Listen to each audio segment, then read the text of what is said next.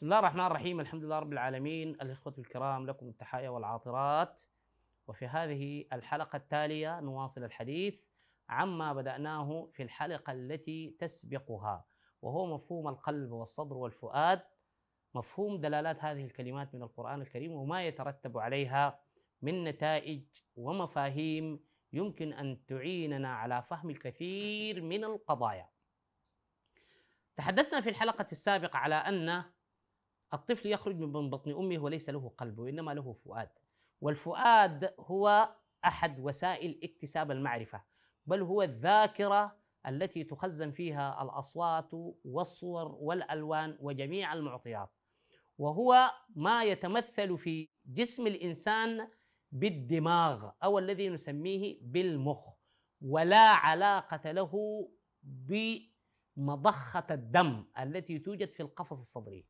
أنا أقول والله أعلم مضخة الدم التي توجد في القفص الصدري لا علاقة لها بمفهوم القلب ولا علاقة لها بمفهوم الفؤاد لا من قريب ولا من بعيد. والذين يعتقدون على أن القلب هو ما يوجد في القفص الصدري مضخة الدم أنا أقول لهم القلب في القرآن جعله الله منوط الهداية. ركزوا في هذه الجزئية. منوط الهداية أي المتعلق بضلال الإنسان وهدايته هو القلب.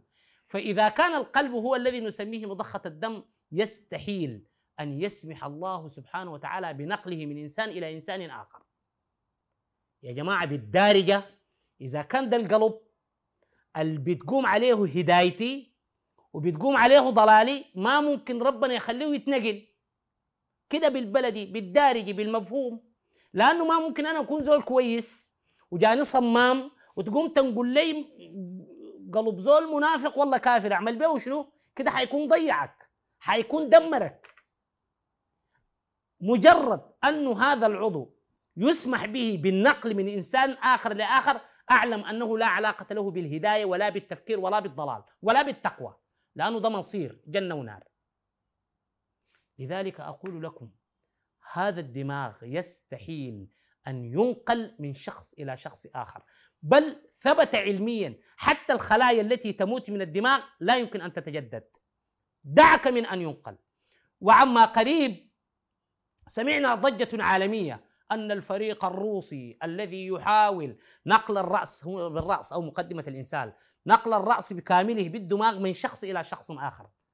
لم أهتم بهذا الأمر وكنت مستلقيا على ظهري وقلت لهم بملء الفم والله وتالله لن تنجح هذه العملية. فحتى الإخوان كيف يا زول؟ يا العلم يتطور. إنت لهم يا جماعة. درس زول كافر ودرس زول مؤمن. كيف ربنا يسمح يتبدلوا؟ ده مصير ده جنة ونار. هذه العملية لن تنجح. وانظروا كيف سكت العالم عن هذه القضية. أنا أسألكم ماذا فعل الفريق الروسي في نقل الدماغ إلى دماغ آخر؟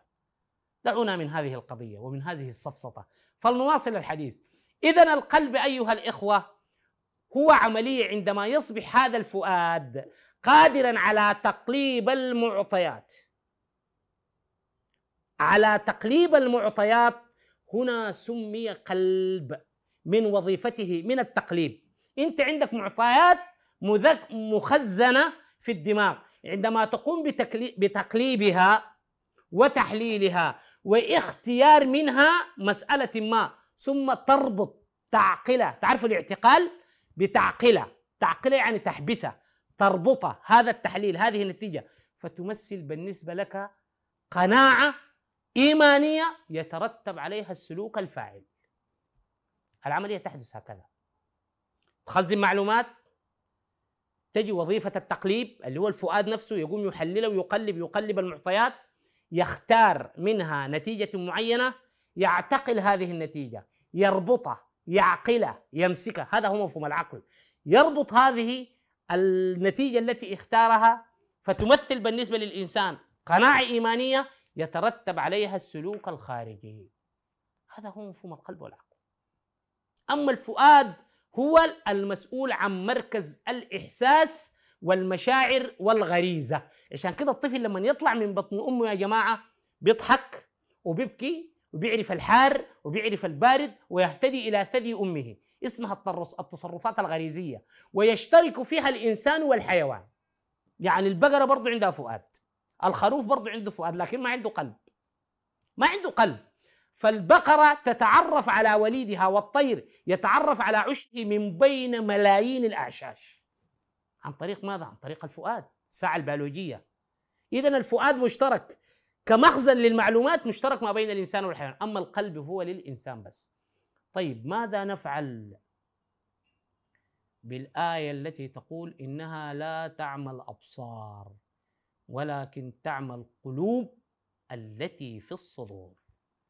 أهو القرآن يقول أن القلوب توجد هنا في الصدور وليس هنا كما تدعي أيها العدرقاوي على مهلك. لنرى ما هو السطر.